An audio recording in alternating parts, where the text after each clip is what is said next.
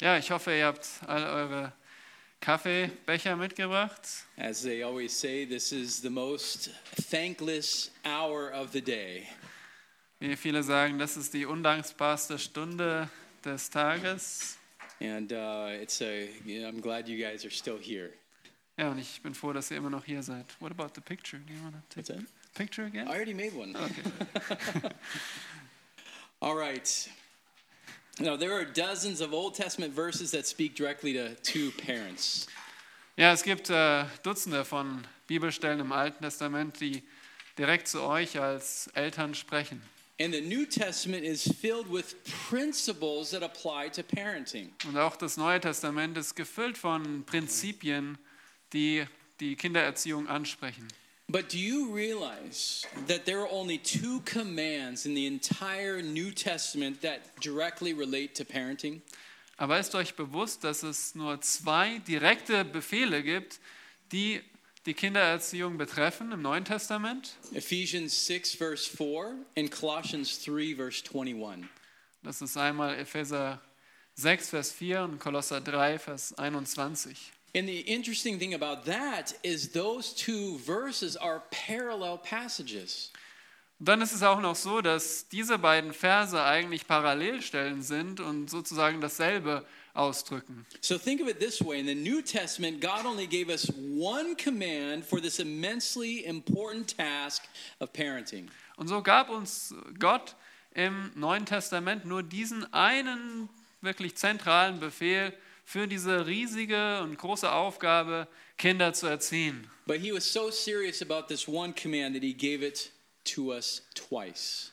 Und es war ihm so ernst, das war dem Herrn so ernst mit diesem einen Befehl, dass er ihn gleich zweimal gab. Therefore, I think it's wise for us to take this command very, very, very serious. Und so denke ich aus gutem Grund, es ist weise, diesen einen Befehl nun sehr ernst zu nehmen. So, what is this command? Ja, wie lautet dieser Befehl? So, let's look at these two passages together. It won't take us long. Ephesians, the first one's found in Ephesians 6, verse 4. Es wird uns nicht besonders lange äh, dauern, diese Verse zu lesen. Einmal Epheser 6, Vers 4. It says, Fathers, do not provoke your children to anger, but bring them up in the discipline and instruction of the Lord. Und dort heißt es, und ihr Väter reizt eure Kinder nicht zum Zorn, sondern zieht sie auf in der Zucht und Ermahnung des Herrn. And the second verse is found in the book of Colossians 3, verse 21. Der zweite Vers findet sich im Kolosser Kapitel 3, Vers 21. And it says right here, Fathers, do not exasperate your children so they will not lose heart. Und dort heißt es, ihr Väter reizt eure Kinder nicht, damit sie nicht mutlos werden. Now, did you notice something about these two verses? Nun, was ist euch aufgefallen, als ihr diese beiden Verse nun gehört habt? I find it interesting that both of these passages address the sinful actions of the parent. Ich finde es interessant, dass beide Verse die sündige Handlung oder sündigen Handlung der Eltern adressiert. Now, mothers, don't just look at your husbands. Ihr Mütter, dreht euch jetzt bitte nicht nur nach euren Männern um. The Greek word here for father can at times be translated as parent, so you're implicated in this verse or these verses as well.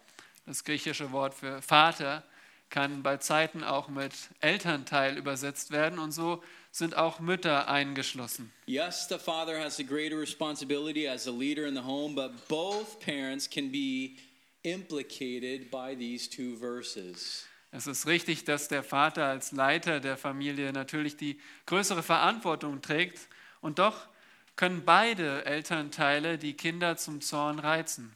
The second thing that I want you to keep in mind as we look at this command is that Paul uses the present imperative with a negative, which means that he was warning against an ongoing action.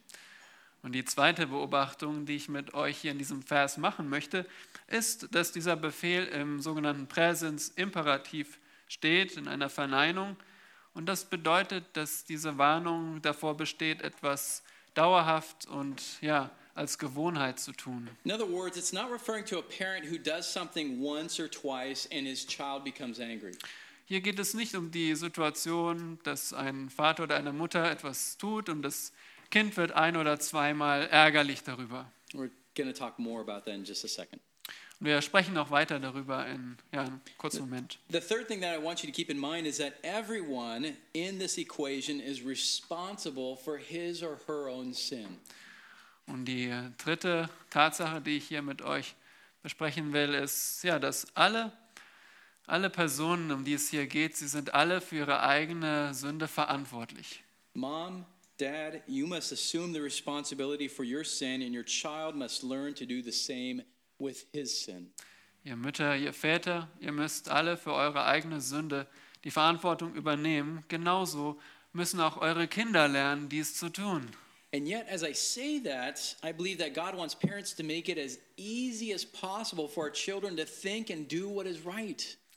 Und doch, wenn ich das sage, möchte ich betonen, dass ich glaube, dass Gott gerade will, dass die Eltern es so einfach wie möglich machen, für ihre Kinder das Richtige zu tun. God in no way wants us to knowingly put stumbling blocks in the way of others, especially not our very own children. Gott will auf keinen Fall, dass wir irgendwelche Stolpersteine und Anstöße für unsere Kinder sind, sodass sie ja, in Sünde fallen.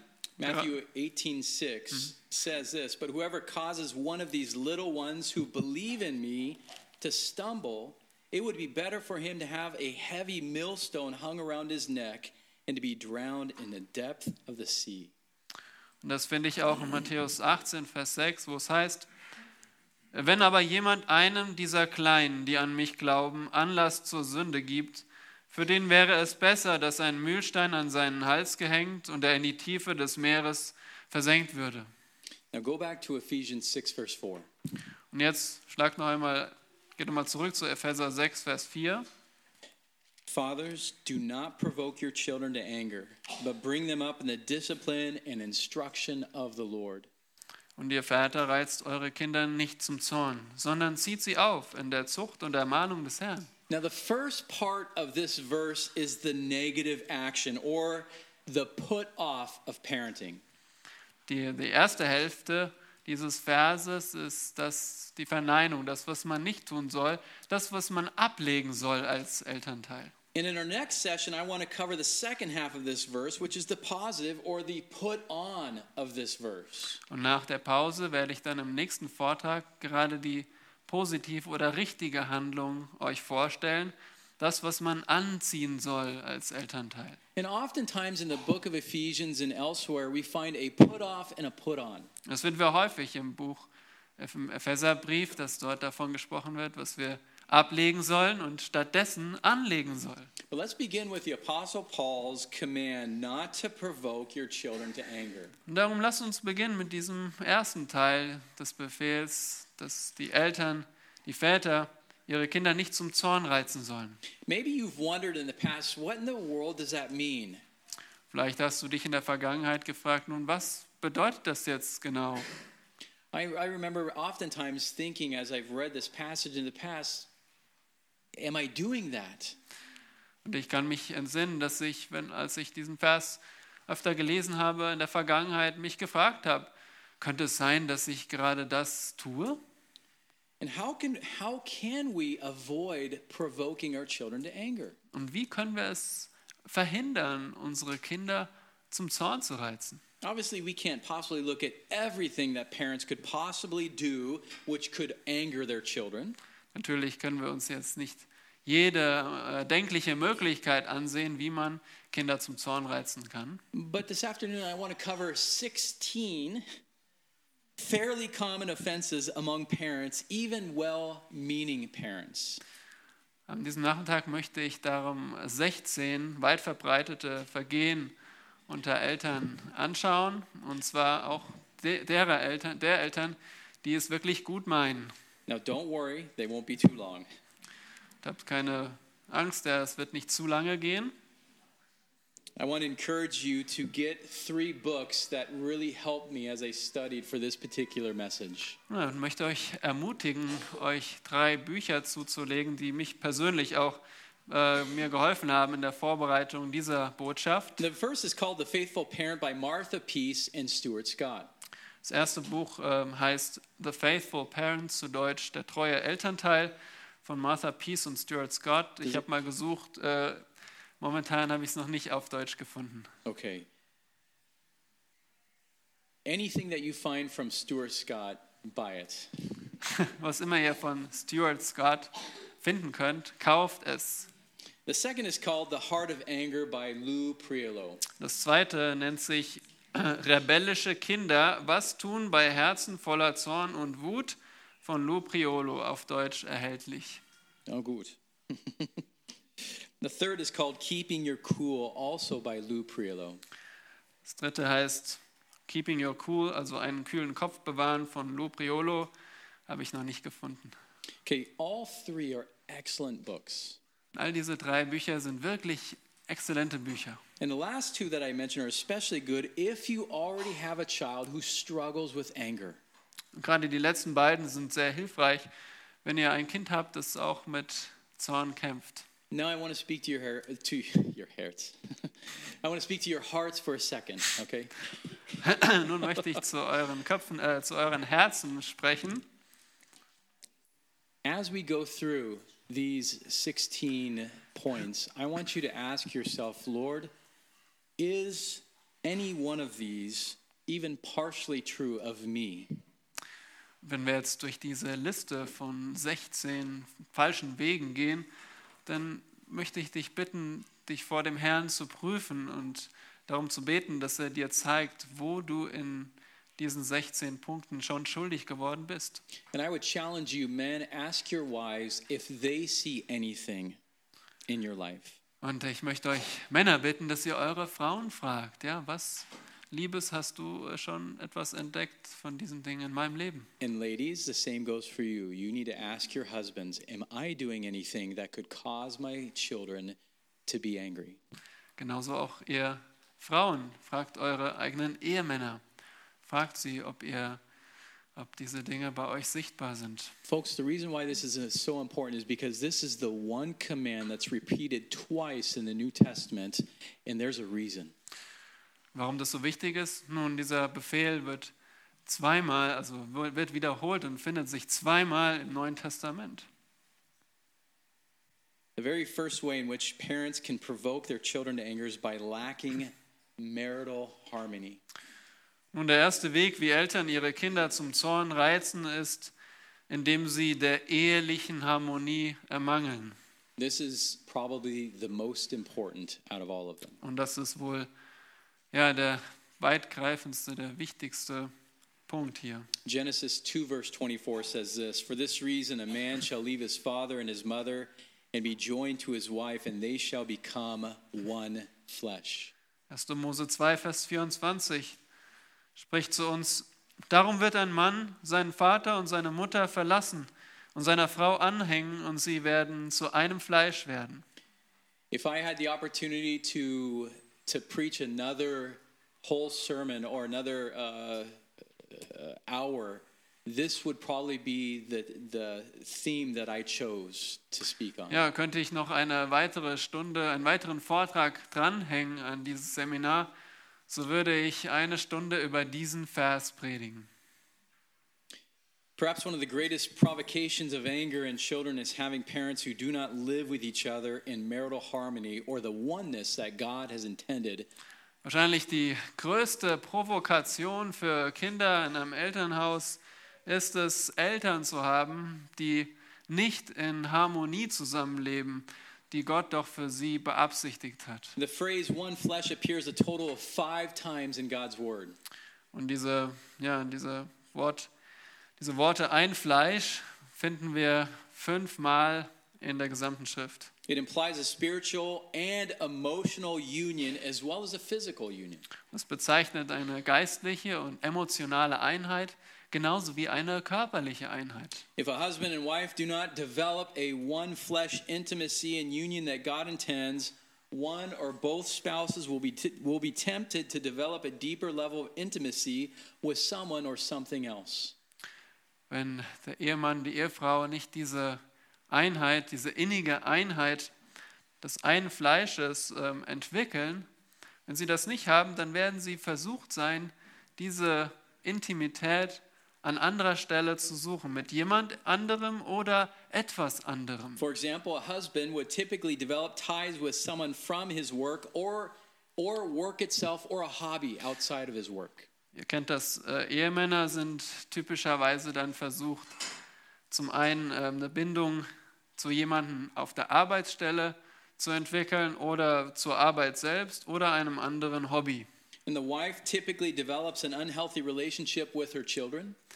Die Ehefrau hingegen entwickelt meist dann eine ja, ungesunde Beziehung zu ihren Kindern. And I don't think I need to tell you that this is a recipe for disaster, creating frustrated, angry children.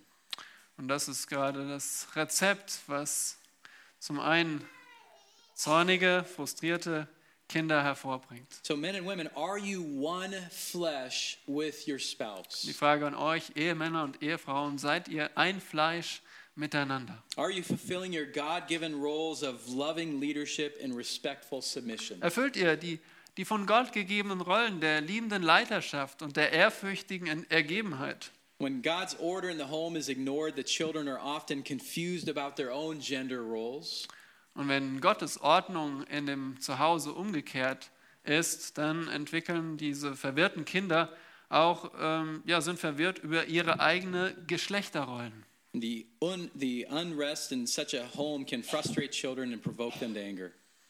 Ja, und diese Unruhe im Zuhause, die frustriert die Kinder und provoziert sie zum Zorn. Here's another one of those areas that I've marked key.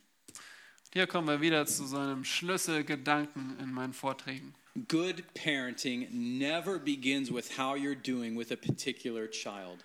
Gute Kindererziehung beginnt niemals damit, wie du mit einem bestimmten Kind umgehst. Good parenting always begins first and foremost with your relationship with God, followed with your relationship with your spouse. Gute Kindererziehung beginnt immer mit deiner Beziehung zum Herrn und als zweites dann mit deiner Beziehung zu deinem Ehepartner. Make no mistake, you cannot bypass this fundamental law of parenting. Ja, irre dich nicht. Du kommst nicht um diese grundlegende Regel der Kindererziehung herum. It's like trying to build a house without a Das ist foundation. genauso wie wenn du versuchst, ein Haus ohne Fundament zu bauen. You might be able to live in you might be able to live in that house for a couple of years, Du könntest vielleicht ein paar Jahre in diesem Haus wohnen, but I guarantee sooner or later it will crumble underneath your feet. aber ich garantiere dir, früher oder später wird dieses Haus zerbrechen. Now, a second big way in which we provoke our children to anger is by being proud. Ein zweiter Weg, wie Eltern ihre Kinder zum Zorn reißen, reizen, ist, indem sie hochmütige Eltern sind. James 4 6 says this, but he gives a greater grace. Therefore, it says, God is opposed to the proud, but gives grace to the humble. Jakobus lehrt uns in Jakobus 4, Vers 6, er, das ist Gott, er gibt aber desto größere Gnade. Deshalb spricht er, Gott widersteht den Hochmütigen, den Demütigen aber gibt er Gnade. A proud parent usually takes first prize in provoking children to wrath. Ja, hochmütige Eltern gewinnen in der Regel den ersten Preis darin, ihre Kinder zum Zorn zu reizen. Proud parents will rarely admit when they're wrong. Und hochmütige Eltern geben sehr selten zu, dass sie falsch liegen. If a child tries to tell them of a fault or even of a mistake, the child is scolded, humiliated, and even punished for not honoring the parent. Wenn das Kind dann zu dem Elternteil hindackelt und ihnen von einem Fehler oder einem Missgeschick erzählt, dann wird es dann gleich zusammengestaucht, gedemütigt und bestraft. The proud parent is supremely concerned about what others think of them. Und hochmütige Eltern sind vorrangig darauf bedacht, ja, wie andere über sie denken. Their pride, excuse me. Their pride blinds them to their own sin. Und ihr Stolz macht sie blind für ihre eigene Sünde. They rarely, if ever, will ask or listen to counsel from others. Und sie hören sehr selten auf Zurechtweisung oder auch auf Rat von außen. They often separate themselves and their families from others. Oft ist es so, dass sie ihre, ja, ihre Familien isolieren von anderen. Proverbs 18:1 is a great verse. Und das lesen wir auch in Sprüche 18, Vers 1. Many times proud parents aren't even saved. Häufig sind hochmütige Eltern gar nicht errettet. Now, why would I say something like that? Warum würde ich das euch sagen? Because Jesus said the poor in spirit possess the kingdom of God, Matthew 5 verse Denn 3. der Jesus sagt, dass die Armen im Geist gerade das Reich der Himmel erben. So if pride is the driving force of your parenting, my friend, you may have a bigger problem than your parenting. Und wenn Stolz die treibende Kraft in deiner Kindererziehung ist, dann hast du noch ein größeres Problem als deine eigenen Kinder. You need to look into the state of your own soul. Dann musst du dir erstmal den Stand deiner eigenen Seele vor Augen führen. Listen to what Peter said in 1 Peter 5 5. Hört mal auf 1. Petrus Kapitel 5, And Vers all of you, 5. clothe yourself with humility toward one another, for God is opposed to the proud, but gives grace to the humble. Da heißt es, alle aber umkleidet euch mit Demut im Umgang miteinander, denn Gott widersteht den Hochmütigen, den Demütigen aber gibt er Gnade. Now, a third way in which parents may provoke their children to anger is by having a self centered home. So kommen wir zum dritten Weg, wie Eltern ihre eigenen Kinder zum Zorn reizen können, nämlich indem sie ein selbstzentriertes Zuhause pflegen. Now, let me describe for you three very different kinds of families. Lass mich jetzt euch drei verschiedene Arten von Familien vorstellen. Now, two of these homes revolve around the people in it. Die ersten beiden Familien drehen sich um die Personen, die in der Familie zu Hause sind. The first family revolves around the children. Also erste Art der Familie, da geht es, dreht sich alles um die Kinder. It's a child centered Und home. darum ist es das kindzentrierte, kindzentrierte Familie. In the child centered home, the general belief is that the parents exist to ensure the happiness of the child. Und dort regiert die Überzeugung, dass die Eltern dafür da sind, die, ja, das Glück und ja, das Glück der eigenen Kinder zu garantieren. And when that child grows up in this type of home, demanding, self-centered, and easily he's sorry, he is oftentimes demanding, self-centered, and easily disappointed in human relationships. Wenn ein Kind in diesem äh, kindzentrierten Zuhause aufwächst, dann ist es in der Regel sehr fordernd und auch selbstzentriert und es ist leicht enttäuscht von in anderen Beziehungen. In his eyes, people always disappoint him and fail him. In den Augen dieses Kindes sind immer die anderen schuld, die anderen versagen in den Beziehungen. And this spills naturally over into his adult life as well. Und das schwappt dann über bis ins Erwachsenenleben. This child becomes an adult who expects God to be there solely to meet all of his perceived needs. Wenn dieses Kind dann erwachsen wird und groß wird, dann erwartet das Kind von Gott, dass Gott nur für es, für dieses Kind selbst da ist und all die wahrgenommenen äh, Bedürfnisse stillt. Now, the second kind of home is also a self centered home, but this one revolves around the parents. Jetzt kommen wir zur zweiten Art der Familie. Auch diese Familie ist selbstzentriert, aber da dreht sich alles um die Eltern. In this home, the child is a second class citizen. Und das Kind ist nur ein Bürger zweiter Klasse. The parents' careers and possibly their recreation and hobbies too are of supreme importance. Die Karriere der Eltern und auch ihre Hobbys oder ihre Freizeit, das ist wirklich, sind die Dinge von allerhöchstem Wert in dieser Familie. In this home, a good child is one who doesn't cause any problems for his parents as they pursue their own little kingdoms. Und ein gutes Kind in dieser Familie ist so, wenn es sich, ähm, ja, wenn es einfach keine Probleme verursacht, sodass sich die Eltern um ihre eigenen Königreiche kümmern können. This child tends to grow up lonely and bitter. Wenn dieses Kind aufwächst, dann ist es in der Regel ein bitteres und einsames Kind. And as an adult, he's likely to view God as being very distant and uninvolved in his own affairs. Und als Erwachsener wird dieses Kind dann Gott als jemanden sehr entfernten und unbeteiligten erleben oder sehen. Now, the third kind of home is a God centered home. Nun kommen wir zum, zur dritten Art der Familie und diese Familie ist endlich die gottfokussierte, gottzentrierte Familie. This home operates from the biblical principle that the purpose of every Christian is to glorify God. Und in diesem Zuhause regiert das biblische Prinzip, dass wir alle dafür existieren, um Gott die Ehre zu geben.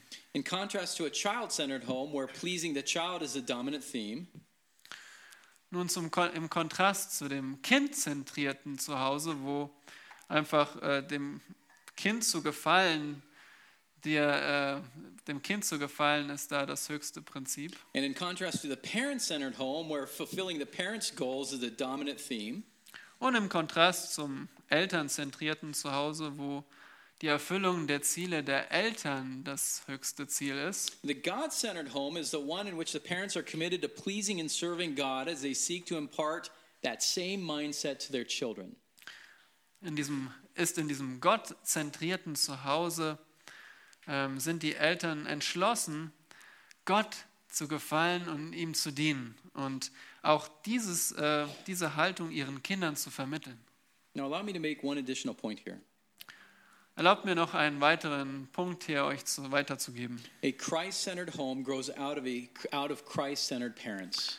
Ein Christus-zentriertes Zuhause erwächst aus Christus-zentrierten Eltern. Dads, moms, if your life is not Christ centered, your home won't be that way either. Väter und Mütter, wenn euer Leben nicht Christus-zentriert ist, dann werden auch eure Kinder nicht so werden. And when that's the case, I guarantee that you're going to fall off th- either one side of that horse or the other. Solltet ihr nicht Christus-zentriert sein, so werdet ihr entweder von, dem, von der einen Seite oder von der anderen Seite vom Pferd fallen. Also entweder kindzentriert oder elternzentriert sein. So let me ask you which model best describes you and your home? Darum stellt euch der Frage, welche dieser drei Arten von Familien trifft auf euch zu? Now, a fourth way that we can provoke our children to anger is by modeling sinful anger ourselves. Ein vierter Weg, wie Eltern ihre Kinder zum Zorn reizen, ist, indem sie sündigen Zorn vormachen. Listen to Proverbs 22, 24, and 25. Says, Do not associate with, an, with a man given to anger, or go with a hot tempered man, or you will learn his ways and find a snare for yourself. Sprüche 22, Vers 24 bis 25 warnt uns, lass dich nicht ein mit einem Zornigen und mit einem Mann, der sich schnell erregt. Verkehre nicht, damit du dich nicht an seine Pfade gewöhnst und deinem Leben eine Falle stellst. Well, here's the problem. The Bible clearly says not to spend time with an angry person, or you will learn his ways. Und so warnt uns die Bibel ganz klar davor, Zeit mit zornigen Menschen zu verbringen, weil wir diese Wege von ihm erlernen. But what if we're guilty as a, as a, as a parent of sinful anger ourselves? Aber was ist, wenn wir als Eltern selbst schuldig äh, geworden sind, zornig zu reagieren? What chance do our children have of not picking up our bad habits when they live in our homes for 18 to 20 years? Welche Chance besteht, dass unsere Kinder in diesen 18 bis 20 Jahren, die sie bei uns zu Hause wohnen, nicht diese zornigen Wege mitnehmen? An angry mom and dad automatically teach their children to respond to problems with anger. Zornige Eltern bringen ihren Kindern automatisch bei, auf Probleme mit Zorn zu reagieren. Children who grow up exposed to habitual anger not only lack the ability to resolve conflict in a God honoring way, they don't even know what that would look like. Kinder, die so gewohnheitsmäßigen Zorn ausgesetzt sind, die, denen mangelt es nicht nur an der Fähigkeit, Konflikte auf gottgefällige Weise zu lösen. Nein, sie wissen auch gar nicht, wie es aussieht, wenn man nicht zornig wird. So if you or your spouse are given to sinful anger, then I would encourage you to get immediate biblical counseling from one of your pastors. Sollte es sein, dass du oder dein Ehepartner sich dem sündigen Zorn hingegeben hat, dann möchte ich euch eindringlich, erm- eindringlich ermutigen, biblische Seelsorge bei euren Gemeindehirten zu suchen. You must not pass on this highly destructive behavior to your children thus harming your future grandchildren. Gib nicht diese zerstörerische, diesen zerstörerischen Charakter weiter, sonst wirst du sogar deine, die zukünftigen Generationen dadurch schädigen. Now let's move on to a further way in which parents exasperate their children by disciplining in anger. Wir fahren fort mit dem fünften Weg, wie Eltern ihre Kinder zum Zorn reizen, nämlich wenn sie im Zorn züchtigen.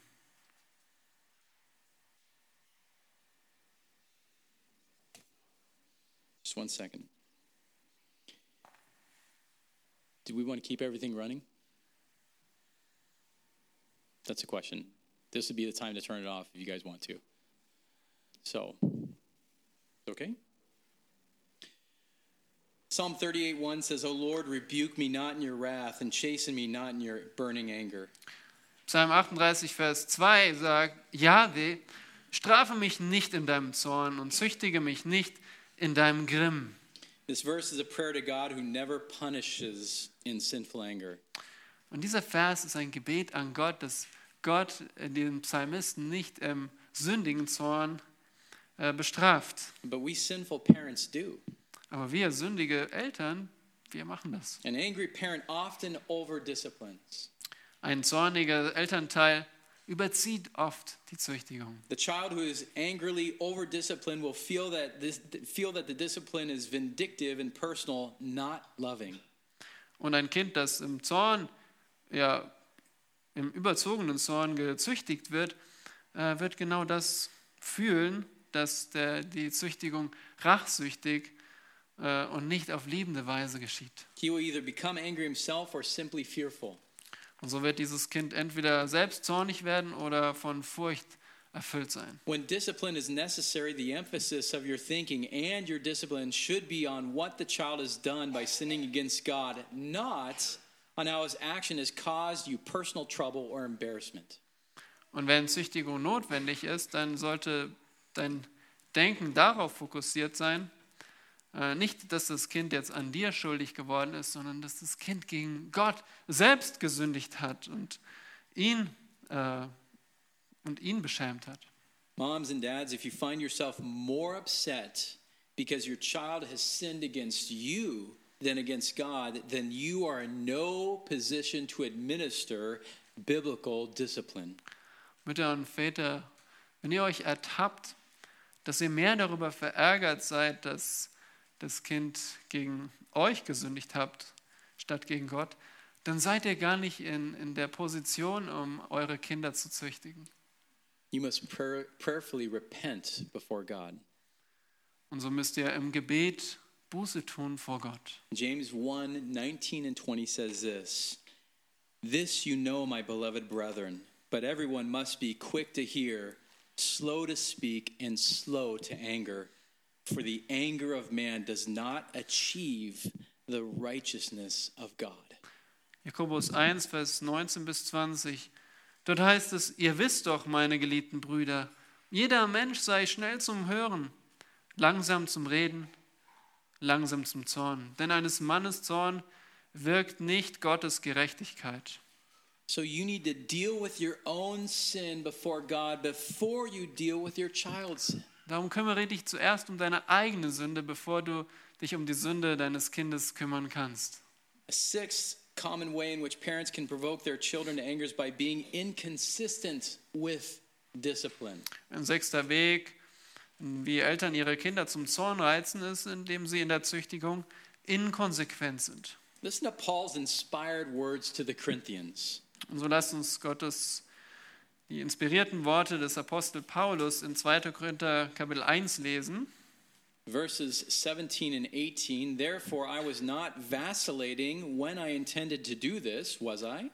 Or what I or what I purpose, do I purpose according to the flesh, so that with me there will be yes, yes, and no, no at the same time? But as God is faithful, our word to you is not yes and no. Habe ich nun, indem ich mir dieses vornahm, etwa leichtfertig gehandelt? Oder was ich mir vornehme, nehme ich mir das nach dem Fleisch vor, damit bei mir das Ja, Ja und das Nein, Nein gleichzeitig wären? Gott aber ist treu und bürgt dafür, dass unser Wort an euch nicht Ja und Nein zugleich ist. Inconsistent discipline occurs primarily in two ways. Uneinheitliche Züchtigung, die passiert auf zwei Wege. Listen very carefully. I know you guys are tired. Ich weiß, ihr seid müde, aber hört bitte genau zu. The first is when parents have different standards of discipline. Dieser erste Weg, uneinheitlich zu sein, ist, wenn die Elternteile verschiedene Standards für die, äh, Züchtigung haben. Mother sees a certain behavior as sinful, but father sees nothing wrong with it. Die Mutter sieht ein bestimmtes Verhalten als sündig, aber der Vater denkt, es gibt kein Problem dabei. Parents, you must talk through their differences, your differences in light of God's word, until you're unified in your approach to discipline. Eltern, sprecht darüber, sprecht über diese Dinge im Licht von Gottes Wort und dann vereinigt euch in eurer Herangehensweise an die Züchtigung. It is utterly unfair to the child for them to operate from two differing platforms of discipline. Und so ist es wirklich völlig unfair dem Kind gegenüber, wenn man von zwei verschiedenen Herangehensweisen darauf zugeht.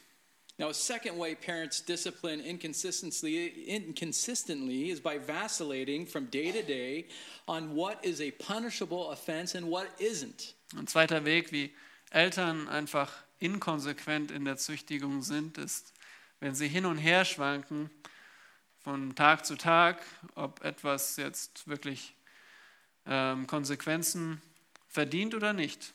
Children ought to know that when mom or dad says yes or no, that's exactly what they mean. Und die Kinder müssen wissen, dass wenn Mama oder Papa Ja oder Nein sagt, dann gilt das auch. Now, that doesn't mean that parents can never change their minds. Das heißt nicht, dass Eltern nicht ihre Meinung ändern könnten. Unless you're a perfect parent, you will need to change your minds at times. Es sei denn, ihr seid vollkommene Eltern. Vielleicht machen wir mal kurz. Ja? Okay, also betrifft auf alle zu. Dann werdet ihr eure Ansichten auch von Zeit zu Zeit ändern müssen. But don't be known in your children's minds as being inconsistent. Aber bitte seid bei euren Kindern nicht dafür bekannt, inkonsequent zu sein. You need to think through your rules and your answers before you state them, and then you need to stick to them unless there's a really good reason to change. Und darum denkt wirklich darüber nach, bevor ihr eine Regel aussprecht. Und dann haltet euch daran, es sei denn, es gibt wirklich gute Gründe, das zu widerrufen. Now, a seventh way that parents provoke their children is by playing the hypocrite. Ein siebter Weg, wie Eltern ihre Kinder zum Zorn reißen, ist, indem sie den Heuch, die Heuchler vorspielen. Philippians 4 9 says this The things you have learned and received and heard and seen in me, practice these things, and the God of peace will be with you. Philippa 4, Vers 9, da sagt Paulus, was ihr auch gelernt und empfangen und gehört und an mir gesehen habt, das tut, und der Gott des Friedens wird mit euch sein. The parent who uses the Bible to teach and reprove his children, but who is not willing in first or willing to first practice that same instruction in his own life is a hypocrite. Der Elternteil, der die Bibel benutzt, um seinen Kinder, seine Kindern zu lehren oder auch zurechtzuweisen, aber äh, der nicht willig ist, zuerst ähm, ja, vor ihnen zuerst diese selbe Anweisung im eigenen Leben umzusetzen, derjenige ist ein Heuchler. And a hypocrite will most definitely provoke his children to anger. Und ein Heuchler wird definitiv die eigenen Kinder zum Zorn reizen. God gave us a timeless principle in Ezra chapter 7 verse 10 that every parent needs to take to heart. Und so gab uns Gott ein zeitloses Prinzip in Esra 7, Vers 10, das auch jeder, äh, der Kinder hat, sich zu Herzen nehmen muss. For Ezra had set his heart to study the law of the Lord and to practice it and to teach his statutes and ordinances in Israel. Denn Esra hatte sein Herz darauf gerichtet, das Gesetz Jahwes zu erforschen und zu tun und in Israel die Ordnung und das Recht Jahwes zu lehren. Now notice the order here. Beachtet hier die Reihenfolge. First Ezra studied the law of the Lord. Zuerst studierte Esra das Gesetz des Herrn. Second, he personally practiced it. Und als zweites hat er das persönlich im eigenen Leben umgesetzt. And then and only then was he in a position to teach it to Und erst dann war er wirklich an der Stelle, dass er es in Israel auch unterrichten konnte. Parents, if we don't approach teaching our children in that God given order, then we will provoke our children to anger. Und ihr Eltern, wenn wir diese Lehre oder das Kinder, die Kinder zu lehren, wenn wir das nicht auf diese gottgegebene Reihenfolge ähm, da herangehen, dann werden wir unsere Kinder zum Zorn reizen. Now, no doubt they might not notice that at first when they're small, but I guarantee you, when they get bigger, they see everything. Vielleicht werden sie diese Widersprüche am Anfang noch nicht so mitbekommen, aber ich garantiere euch, je älter sie werden, sie werden diese Inkonsequenz wirklich herausfinden. I can't get away with anything in front of my older kids. Und ich komme mit nichts davon von meinen älteren Kindern. An eighth way in which moms and dads provoke their children to anger is by being legalistic.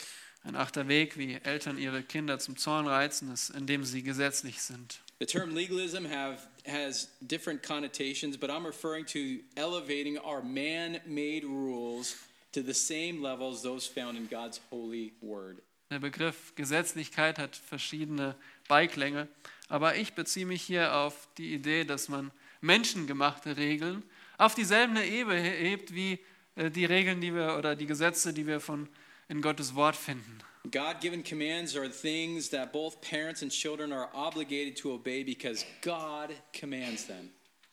Und die gottgegebenen Befehle, die äh, verpflichten sowohl Kinder als auch Eltern äh, zum Gehorsam, einfach weil Gott sie befohlen hat. Then there are family rules. Da gibt es auch so Familienregeln. Those rules are based on biblical principles and implemented in the home to help family life run smoothly. Und solche Regeln, die werden eingeführt in der Familie, äh, gründen sich auf biblischen Prinzipien und die helfen einfach, dass die Familie reibungsloser funktioniert. For example, don't, for example, don't stay up past 10 p.m. on a school night. Und ich gebe euch ein Beispiel. Zum Beispiel die Regel, bleibt nicht länger als 10 Uhr abends auf, wenn du am nächsten Tag Schule hast. Do not leave the table without being excused. Oder steh nicht vom Tisch auf, es sei denn, du hast gefragt. All parents develop a temporal set of rules particular to their own family in order to produce or promote peace and structure in a house full of sinners. Und so haben, ja, entwickeln alle Eltern vorübergehende und auch auf die Familie zugeschnittene Regeln, die einfach Frieden und Struktur im Haus, in einem Haus voll von Sündern begünstigen. But it's crucial that you and your children understand the vast difference between God's eternal law, never changing rules, and man's temporary man made rules. Aber es ist wirklich entscheidend, dass ihr und auch eure Kinder verstehen, dass es einen weitreichenden Unterschied gibt zwischen Gottes ewigen, unveränderlichen Gesetzen und den vorübergehenden menschengemachten Regeln.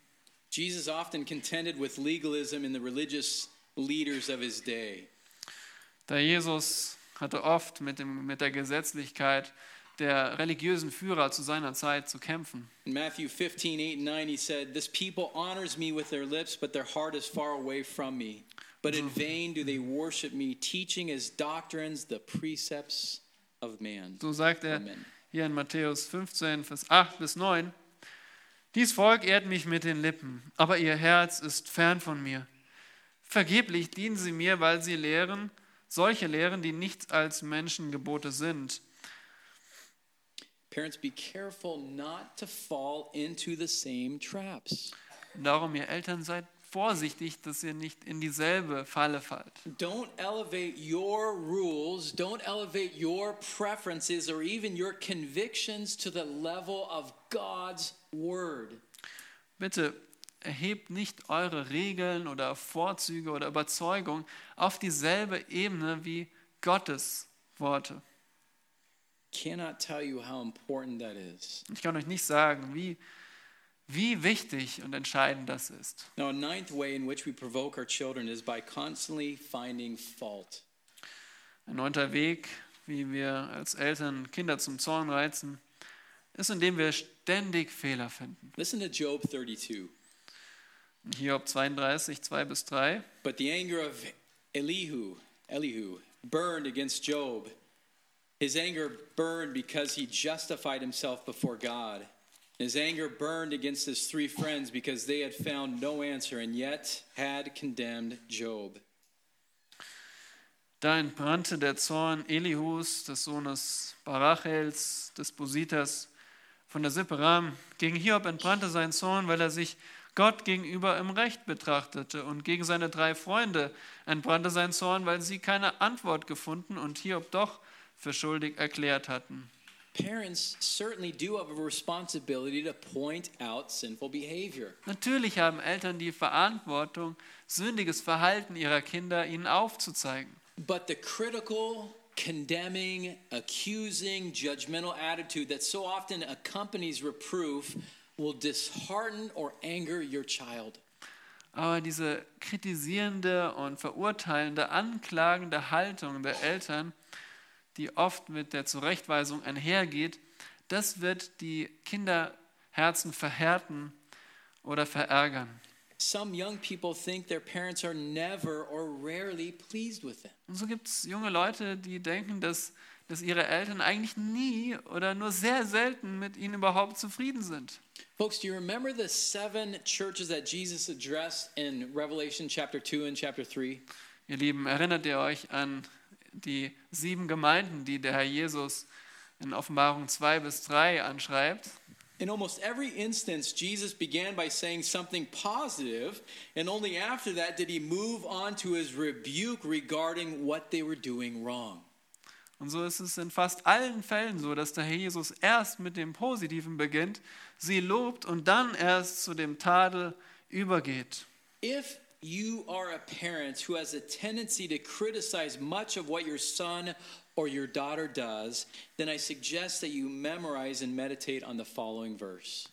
Wenn du als Elternteil, die einfach dazu tendierst, immer viel an deinen Kindern zu kritisieren, dann schlage ich dir vor, dass du den folgenden äh, Vers auswendig lernst und darüber nachsinnst. Proverbs 19, verse 11 says this A man's discretion makes him slow to anger, and it is his glory to overlook a transgression. Sprüche 19, Vers 11. Die Einsicht eines Menschen macht ihn langmütig, und sein Ruhm ist es, an der Übertretung vorüberzugehen. Parents, you have the responsibility to identify and address character flaws in your children for the purpose of teaching and training them in righteousness. Und ja, ihr Eltern, ihr habt die Verpflichtung, einfach Charakterschwächen eurer Kinder anzusprechen und aufzuzeigen, damit sie äh, Gerechtigkeit lernen und trainieren. However, it's not necessary to turn every non habitual sin into a mini sermon. Und doch ist es nicht notwendig, dass jede nicht so gewohnheitsmäßige Sünde gleich in einer Mini-Predigt endet. You will only exhaust So wirst du dein Kind nur auslaugen und entmutigen. A tenth way we anger our children is by not listening to them. Ein zehnter, zehnter Weg, wie Eltern Kinder zum Zorn reißen, ist, indem sie nicht zuhören. Proverbs 18:13 says, "He who gives an answer before he hears, it is folly and shame to him." Sprüche 18, Vers 13. Wer antwortet, ehe er hört, dem ist's Torheit und Schande. In James 1:19, the second part per, or part B says, "But everyone must be quick to hear, slow to speak, and slow to anger." Jakobus 1, 19. Ein jeder, ihr sollt wissen, ein jeder Mensch sei schnell zum Hören, langsam zum Reden, langsam zum Zorn. Now, as a parent, you're not always going to agree with your child's reasoning, their conclusions, and opinions, but if you're going to lead him into the truth, you will need to slow down to the point that you can understand his perspective. ist natürlich klar, dass ihr nicht immer mit dem Gedankengang oder den Schlussfolgerungen, den Meinungen eurer Kinder übereinstimmt. Aber wenn, wenn du sie zur Wahrheit hinführen willst, dann musst du zuerst ihre Perspektive nachvollziehen können. Moreover, by not talking or taking the time and energy to listen and try to understand your child, you may unwittingly communicate arrogance, impatience, and lack of caring to them. Darüber hinaus, wenn du dir nicht die Zeit und die Energie nimmst, um auf dein Kind zu hören oder und vers zu versuchen, es zu verstehen, dann wirst du unabsichtlich damit ausdrücken, äh, Arroganz, Ungeduld und mangelnde Fürsorge ausdrücken. Parents, let me give you a piece of advice that was given to my wife and I many years ago that we've never forgotten. Eltern, lasst mich euch einen Ratschlag geben, den ein, äh, oder weise Eltern uns gaben. This woman said this If you want your children to talk to you about important issues they face when they're older, then you must patiently listen to them when they're young. Eine Frau sagte zu uns, wisst ihr, wenn ihr wollt, dass eure Kinder mit euch über die wirklich wichtigen Dinge reden, wenn sie Eltern sind, älter sind, dann müsst ihr zuerst, wenn sie noch jung sind, auf sie hören. Dads, do you want your 16 year old daughter to talk to you about the boys in her life? Ihr Väter, möchtet ihr, dass eure 16-jährige Tochter mit euch über die Jungs in ihrem Leben spricht? Then you must listen to her when she's six and she wants to talk to you about her dolls. Dann müsst ihr auf sie hören, wenn sie euch, äh, wenn sie sechs Jahre ist und mit euch über ihre Puppen sprechen will. And a child who doesn't feel heard will eventually stop talking. Und das Kind, das sich nicht gehört fühlt, wird früher oder später aufhören, ganz mit den Eltern zu reden. Does this take time? Ja, braucht das Zeit Absolutely. und ob. But folks, love takes time.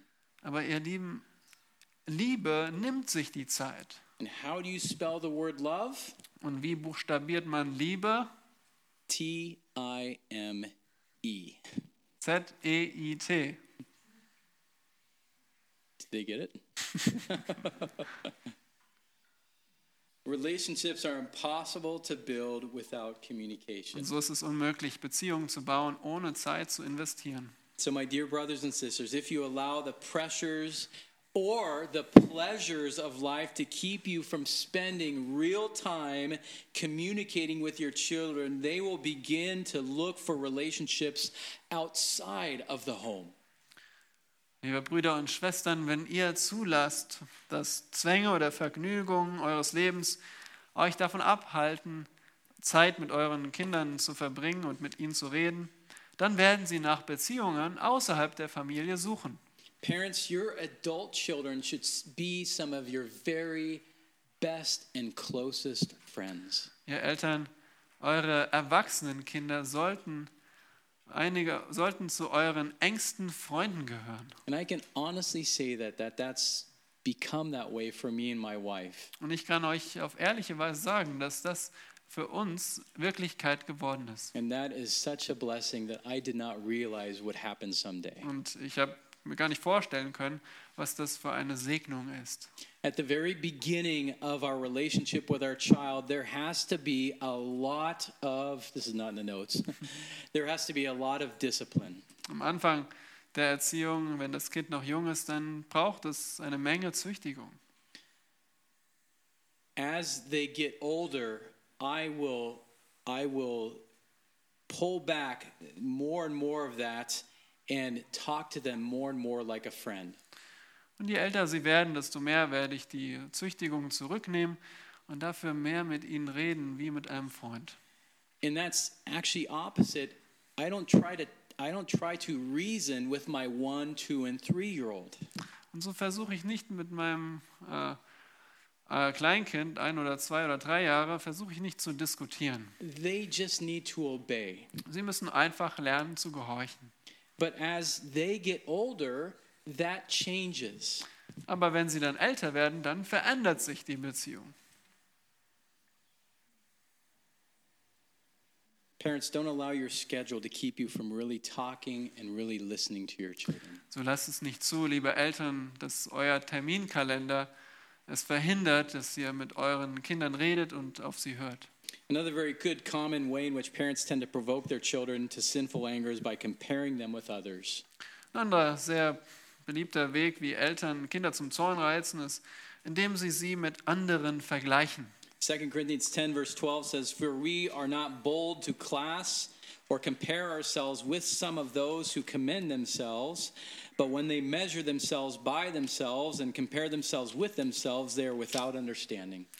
So sagt uns 2. Korinther 10, Vers 12, wo sich Paulus verteidigt. Denn wir wagen nicht, uns gewissen Leuten von denen, die sich selbst empfehlen, beizuzählen oder gleichzustellen. Aber da sie sich an sich selbst messen und sich mit sich selbst vergleichen, sind sie unverständig. God gives every child a unique set of gifts and talents. So gibt Gott jedem Kind eine einzigartige Zusammenstellung von Gaben und Talenten. Take the Apostle Paul's warning to heart and avoid comparing your children either favorably or unfavorably to their other siblings or other children in general. Und so nehmt euch diese Warnung des Apostels Paulus zu Herzen und vermeidet es, Kinder entweder zu ihren Gunsten oder Ungunsten mit anderen Kindern in der Familie oder auch außerhalb der Familie zu vergleichen. Men, think about this. How would you like to be compared to other husbands and fathers by your wife and Und so, your children? denkt mal drüber nach, ihr Ehemänner, wie würdet ihr es mögen, wenn eure Frau euch ständig mit anderen Ehemännern vergleicht? Or your children compare you to other fathers? Ja, Right. oder, oder eure Kinder vergleichen euch mit anderen Vätern. And ladies, how would you like to constantly be compared to other wives or mothers? Oder ihr Frauen, wie würdet ihr es finden, wenn ihr ständig mit anderen Ehefrauen oder Müttern verglichen werdet? And I think we all know the answer to those Ich denke, wir questions. wissen alle die Antwort.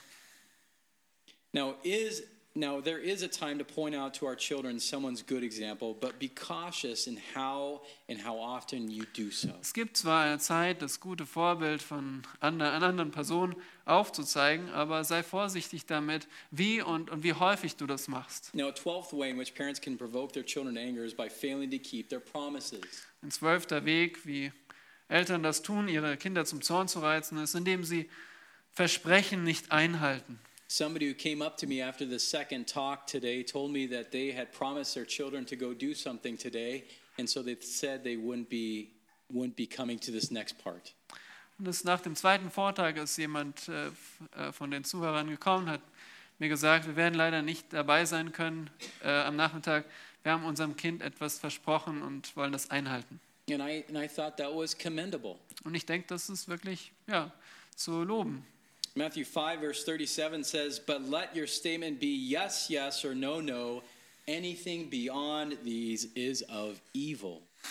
So sagt der Herr Jesus in Matthäus 5, Vers 37, es sei aber eure Rede ja, ja, nein, nein. Was aber darüber hinausgeht, ist vom Bösen. And Psalm 15 verse 4 says he swears to his own hurt and does not change. Psalm 15, Vers 4 heißt es, spricht es von dem rechtschaffenen Mann, der Gott gefällt. Der hat er zum Schaden geschworen, es nicht ändert. We usually make plans and promises with every intention of keeping them, do we not? Natürlich machen wir unsere Pläne und auch unsere Versprechen mit den besten Absichten, Absichten sie zu halten. And at times there will be unforeseen circumstances that legitimately prevent a parent from carrying a plan through. Und so gibt es von Zeit zu Zeit auch unvorhergesehene Situationen, wo wir berechtigterweise einen Plan vielleicht nicht umsetzen können. However, when promises and commitments are consistently not kept, regardless of the reason, then disappointment can turn to frustration and eventually anger in a child. Wenn jedoch ja, Versprechen und Entschlüsse unabhängig von den Gründen ständig, egal was für ein Grund, einfach äh, fallen gelassen werden, dann wird diese Enttäuschung des Kindes in Zorn umschlagen. And as the string of broken promises gets longer and longer in a child's heart, that child increasingly views his parents as unreliable, undependable, and even deceitful. Ja, und so könnt ihr euch das vorstellen, wenn die Abfolge an nicht eingehaltenen Versprechen immer länger und länger wird, dann wird das Kind zunehmend seine Eltern als unzuverlässig, unglaubwürdig oder sogar betrügerisch sehen. Number 13 is disciplining your children in front of others. Und Nummer 13 unserer Liste ist, ähm, Kinder öffentlich zu züchtigen. Matthew 18, 15 says, If your brother sins, go and show him his fault in private. If he listens to you, you have won your brother. Matthäus 18, Vers 15 lehrt uns, wenn aber dein Bruder sündigt, so geh hin, überführe ihn zwischen dir und ihm allein. Wenn er auf dich hört, so hast du deinen Bruder gewonnen. So, why do so many Christian parents ignore Matthew 18, one of the most foundational discipline passages of the Bible? Warum übergehen einfach so viele Eltern diese Passage in Matthäus 18, obwohl das direkt über Züchtigung spricht? Perhaps it's because when we read the word brother, we immediately think of someone our own age or maybe a church member who's in the middle of formal church discipline. Vielleicht ist es, weil dort das Wort Bruder steht und wir automatisch an jemanden Gleichaltriges, an Altrigen denken, jemand in der Gemeinde, der gerade im Prozess der Gemeindezucht steht. But our Lord's instruction here in Matthew 18, when properly applied to a family situation, serves to protect the dignity of each family member involved. Aber gerade diese Anweisung in Matthäus 18, die sich da gerade auch, die auch in der Familie richtig angewandt werden wollen, die schützen die Würde von jedem Familienmitglied, um das die es geht. Think about this your believing child is primarily and eternally your brother or sister in Christ. Und so ist es mit gläubigen Kindern. Sie sind für dich in erster Linie ein Bruder, der, ja, ein, ein Bruder oder eine Schwester im Herrn Jesus Christus für die Ewigkeit. He is secondarily and only temporarily your child. Und erst zwei, auf dem zweiten Rang ist es, ist dieses gläubige Kind dann äh, dein Kind. Thus, the disciplinary principles we find in Matthew 18 show us that the circle of correction and confession should only be as large as the circle of the offense. Und so zeigen uns diese Prinzipien der Züchtigung hier in Matthäus 18, dass äh, der Kreis der Zurechtweisung und der, des Sündenbekenntnisses nur so groß sein soll, wie auch das Vergehen. If your child sins in the presence of others, then in certain situations he or she might need to be verbally rebuked, but not physically chastised in their presence. Ja, wenn dein Kind in der Gegenwart von anderen Leuten sündigt, dann mag es gut sein, es auch äh, verbal dafür zurechtzuweisen, aber niemals körperliche Konsequenzen in ihrer Gegenwart zu geben. But if the sin is not public, then the disciplinary process should be handled between the parent and the child in private. Aber wenn die Sünde nicht öffentlich ist, dann sollte dieser Prozess der Zurechtweisung, der Züchtigung nur im Privaten zwischen Eltern und Kind erfolgen. A 14th way in which parents can provoke their children to anger is by giving them too much freedom. Ein vierter, 14. Weg, wie Eltern ihre Kinder zum Zorn reizen, ist, indem sie ihnen zu viel oder zu wenig Freiheit gewähren. Okay, Proverbs 29 15 says, The rod and reproof give wisdom, but a child who gets his own way brings shame to his mother.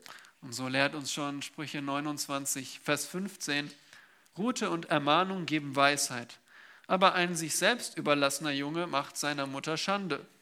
When children are allowed to participate in activities before demonstrating the appropriate levels of maturity and responsibility, problems will eventually develop. Wenn Kinder äh, die Erlaubnis bekommen, in Aktivitäten zu, teilzuhaben, bevor sie die angemessene Reife oder auch Verantwortlichkeit demonstriert haben, dann werden Probleme aufkommen. And when children are allowed to live an undisciplined and unfaithful life ruled by their own desires, problems will develop. Und wenn Kinder die Freiheit bekommen, ein undiszipliniertes und untreues Leben zu führen, das, das von ihren eigenen Begierden angetrieben wird, dann werden Probleme aufkommen. Children must be taught to see lack of self discipline as a sin.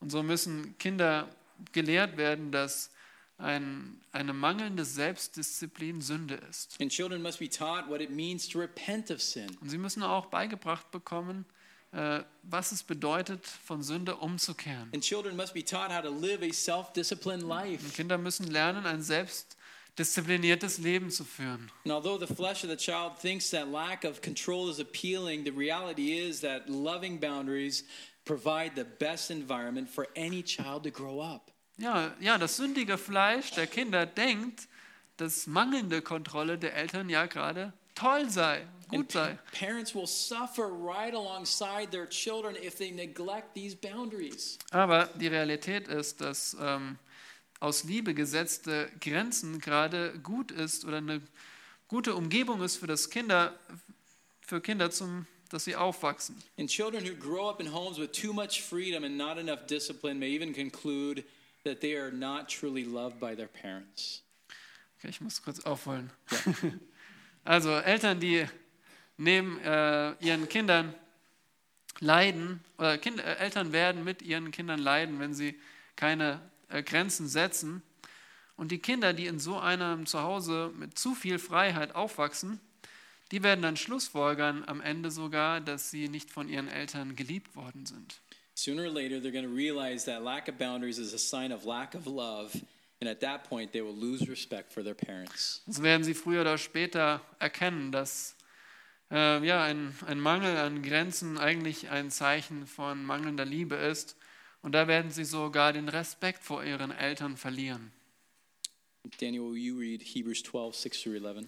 Ja, lass uns äh, aus Hebräer Kapitel 12 lesen, 6 bis 11. Denn wen der Herr liebt, den züchtigt er. Er schlägt aber jeden Sohn, den er aufnimmt. Was ihr erduldet, ist zur Züchtigung. Gott behandelt euch als Söhne. Denn ist der ein Sohn, den der Vater nicht züchtigt? Wenn ihr aber ohne Züchtigung seid, deren alle teilhaftig geworden sind, so seid ihr Bastarde und nicht Söhne. Zudem hatten wir auch unsere leiblichen Väter als Züchtiger und scheuten sie. Sollen wir uns nicht vielmehr dem Vater der Geister unterordnen und leben? Denn wenn sie züchtigten, denn sie züchtigten uns zwar für wenige Tage nach ihrem Gutdünken, er aber zum Nutzen, damit wir seiner Heiligkeit teilhaftig werden. Alle Züchtigung scheint uns zwar für die Gegenwart nicht Freude, sondern Traurigkeit zu sein. Nachher aber gibt sie denen, die durch sie geübt sind, die friedvolle Frucht der Gerechtigkeit. Now, parents can also swing that pendulum too far in the opposite direction and not give their children enough freedom either. Eltern können es auch in die andere Seite übertreiben und ihren Kindern äh, und, und ihren Kindern nicht genug Freiheit gewähren. So, Luke 12, verse 48 says, From everyone who has been given much, much will be required. And to whom they entrusted much, of him they will ask all the more.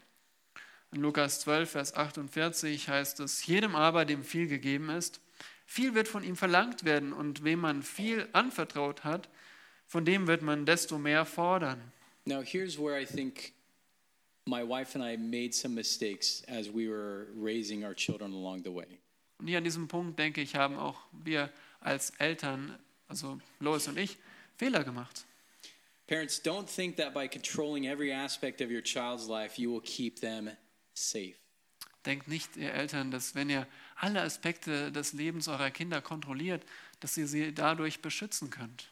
More likely, you'll drive them away in frustration. Es ist sogar wahrscheinlicher, dass ihr sie dadurch noch mehr in, in den Zorn treibt.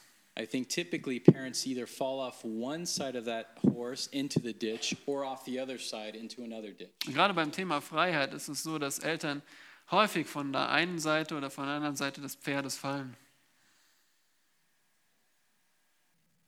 But as I say that, don't throw off all restraints either. Aber während ich das sage, möchte ich auch betonen, dass ihr nicht alle Zügel fallen lassen solltet. I believe children need to earn their freedoms by demonstrating greater and greater faithfulness. Mein Vorschlag ist es, meine Überzeugung ist es, dass Kinder sich Freiheit mehr und mehr verdienen müssen, indem sie immer größere Treue zeigen. And maybe you're thinking, man, that sounds great, but how do I gauge faithfulness? Und äh, ihr denkt vielleicht, ja, das ist, das ist ein wunderbarer Gedanke, das hört sich gut an, aber wie kann ich denn Treue messen? Faithfulness involves showing God and others two things Und so beinhaltet Treue, äh, bedeutet gegenüber Gott und anderen, bedeutet vor allem zwei Dinge. So, the fulfillment of specific responsibilities and a good track record of making wise biblical decisions. Zum einen bedeutet Treue die Erfüllung bestimmter Verantwortlichkeiten. Aber zweitens bedeutet Treue auch eine gute Bilanz von weisen biblischen Entscheidungen äh, getroffen zu haben. When children, especially older children, demonstrate such faithfulness, but parents don't reward them with trust and freedom that their faithfulness deserves, they can become exasperated and discouraged and eventually give up. wenn gerade Kinder diese Art von Treue demonstriert haben, also zum einen ihre Verantwortlichkeit erfüllt haben und gute Entscheidungen getroffen haben über einen langen Zeitraum, dann, und dann nicht mehr Freiheit bekommen, dann werden sie in den Zorn getrieben. So why is it so hard for some parents to give their children enough freedom? Warum ist es für manche Eltern so schwierig, ihren, Eltern, ihren Kindern mehr Freiheiten zu gewähren? Well, child rearing is a terrifying venture embarked upon imperfect imperfect people called parents. Nun, ja, Kindererziehung ist dieses wirklich schreckliche Unterfangen, ähm, das von un, äh, unvollkommenen Menschen, genannt Eltern, eingeschlagen wird. And imperfect parents often operate from a place of fear. If I let my child do that, then that might happen. Und oft äh, ja, funktionieren Eltern auf der Grundlage von Furcht. Wenn ich jetzt das äh, zulasse, dann wird vielleicht jenes passieren. Imperfect parents can also be very proud, having an inordinate desire to have perfect children or an all consuming concern about what others might think of their children. Und unvollkommene Eltern können auch sehr stolz sein und äh, ja, dieses, dieses Begehren haben, dass sie perfekte, vollkommene Kinder haben. Und dieses äh, ja, alles vereinnahmende Besorgnis, was andere über ihre Kinder denken. And friends, my wife and I have operated from both of these places, operating, or I should say, parenting from fear and parenting from pride. Und ähm, ich kann euch bekennen, dass wir äh, als Eltern auch äh, von Zeit zu Zeit so gehandelt haben, nämlich zum einen aus Furcht heraus, aber auch aus Stolz heraus. And neither one of them is right. Und keiner dieser Wege ist richtig. Neither one is biblical. Keiner dieser Wege ist biblisch. Gradually increasing freedom is a tool to test the character and wisdom of your child. Und die Freiheit für die Kinder Stück für Stück zu erweitern, das ist äh, das Werkzeug, um den Charakter eurer Kinder zu testen und auch ihre Weisheit. And of course, they're going to fall flat on their faces at times. Natürlich werden sie auf die Nase fallen. If it was a wisdom issue, pick them up, dust them off, teach them the biblical principle that they need to know, and then give them examples of how best to apply it the next time. Und wenn sie in einem Bereich von mangelnder Weisheit fallen, dann richte sie wieder auf und äh, ja, wisch den Staub ab und lehre sie das biblische Prinzip, äh, das sie wissen müssen und gib ihnen ein Vorbild oder ein Beispiel, wie sie es das nächste Mal richtig machen können. And if they fell into outright sin, help them to repent, pray with them, pray for them, teach them or reteach them what the Bible says and what the Bible says about pursuing its opposite virtue. Und wenn sie in eine ja, Sünde fallen, dann hilf ihnen, Buße zu tun, ihre Sünde zu bekennen und bete mit ihnen und für sie und dann lehre ihnen noch einmal, was die Bibel über die Sünde sagt und was die Bibel darüber sagt, das Richtige zu tun. And after time, hand them some of that freedom back and allow them to try again. Und dann nach einiger Zeit gib ihnen die Freiheit wieder zurück und schau, äh, wie sie es jetzt beim zweiten Versuch machen. That's how they're to grow. Und so werden sie dann vorankommen und wachsen. And that leads us right to our next point. Und das führt uns zu unserem nächsten Punkt. Parents provoke their children anger by not treating them with respect. Eltern provozieren ihre Kinder zum Zorn, indem sie sie respektlos behandeln. This often happens in the context of a child's mistakes or sin.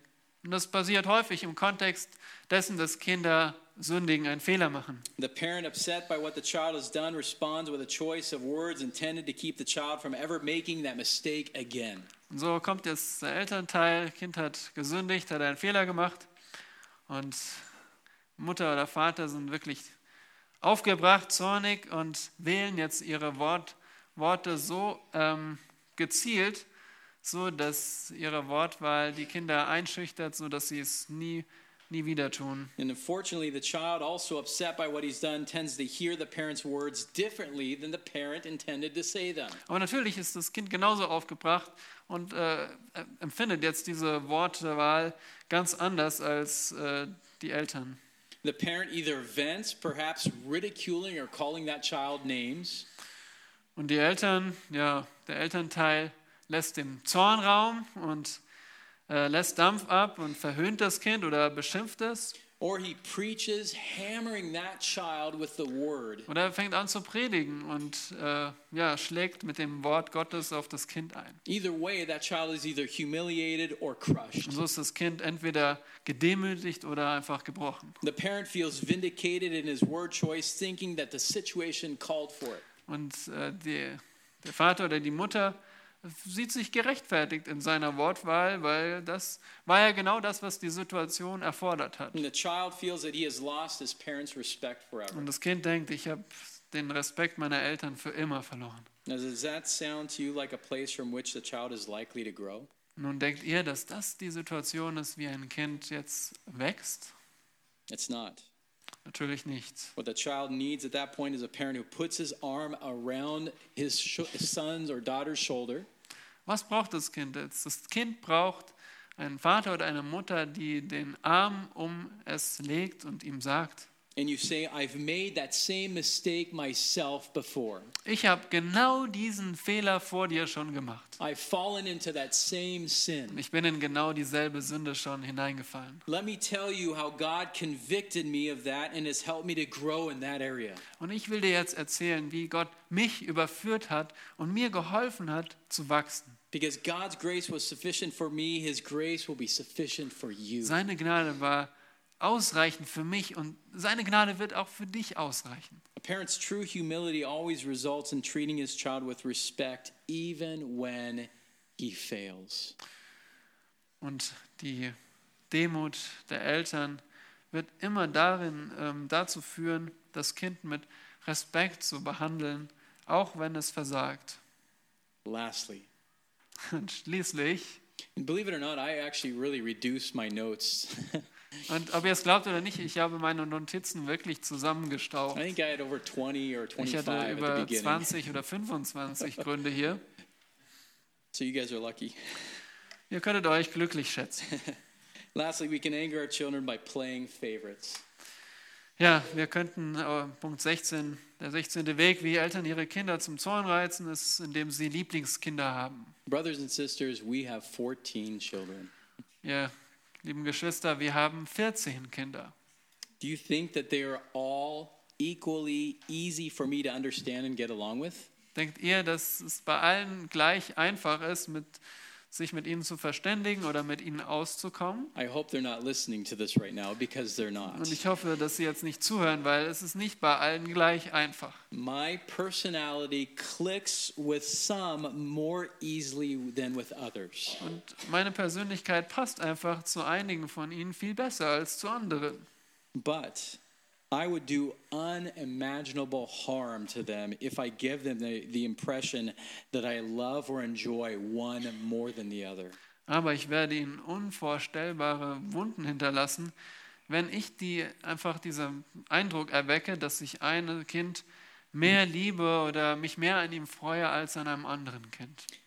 Guard your hearts, parents, and do not provoke your children to anger. So passt auf eure Herzen auf, ihr Eltern, und, und reizt sie nicht zum Zorn. God gave this command twice in the New Testament. Gott gab uns diesen Befehl zweimal im Neuen Testament. So, my dear brothers and sisters, Und so, liebe Brüder und Schwestern, if you realize that you've been guilty of provoking your children to anger, what should you do? wenn ihr jetzt merkt, ihr seid schuldig geworden daran, eure Kinder zum Zorn zu reizen, was, was solltet ihr jetzt tun? And the answer is very simple die Antwort ist sehr einfach. humble yourself Demütigt euch selbst before God, vor Gott, before your spouse, vor deinem Ehepartner and before your und vor child. deinen Kindern. To humble yourself before God means that you sincerely confess your sin to God, ask His forgiveness, and immediately take any corrective steps necessary to change your heart and behavior. Sich vor Gott zu demütigen bedeutet, dass man äh, wirklich aufrichtig die Sünde bekennt, seine Vergebung erbittet, bittet und dann sofort die korrigierenden Schritte unternimmt, um sowohl das Herz als auch das Verhalten zu ändern. To humble yourself before your spouse means you will sincerely confess your sins.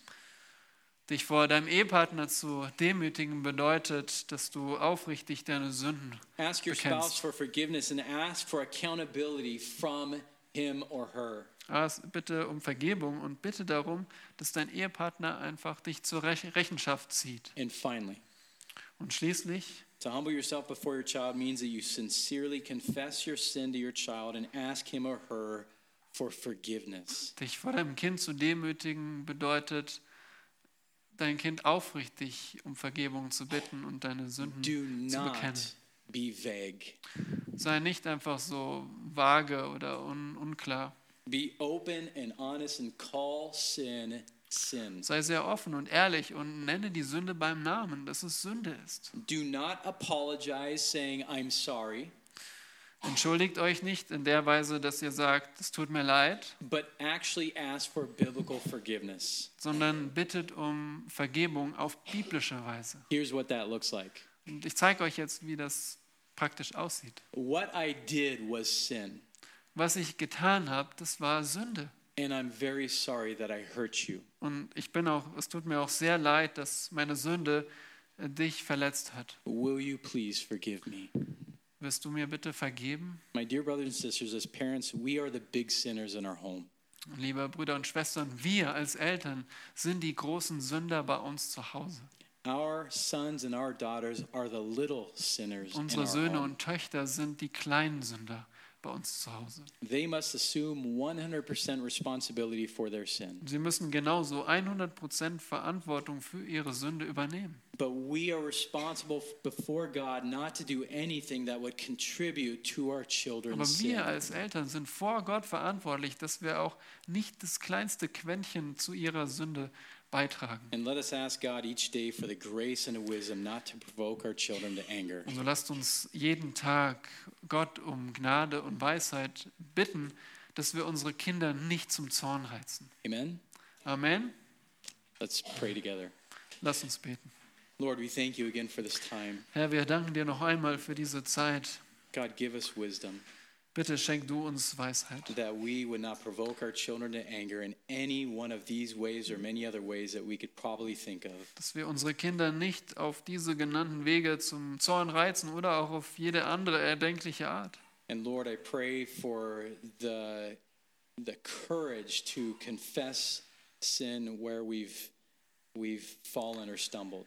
Bitte schenk du uns den Mut, dass wir unsere Sünde bekennen, auch vor anderen, wo uns der Mut fehlt.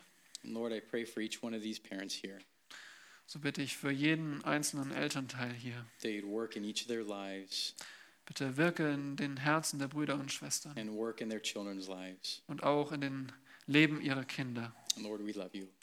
Wir lieben dich, unser Herr. In Jesus' name, amen. Jesu Namen. Amen.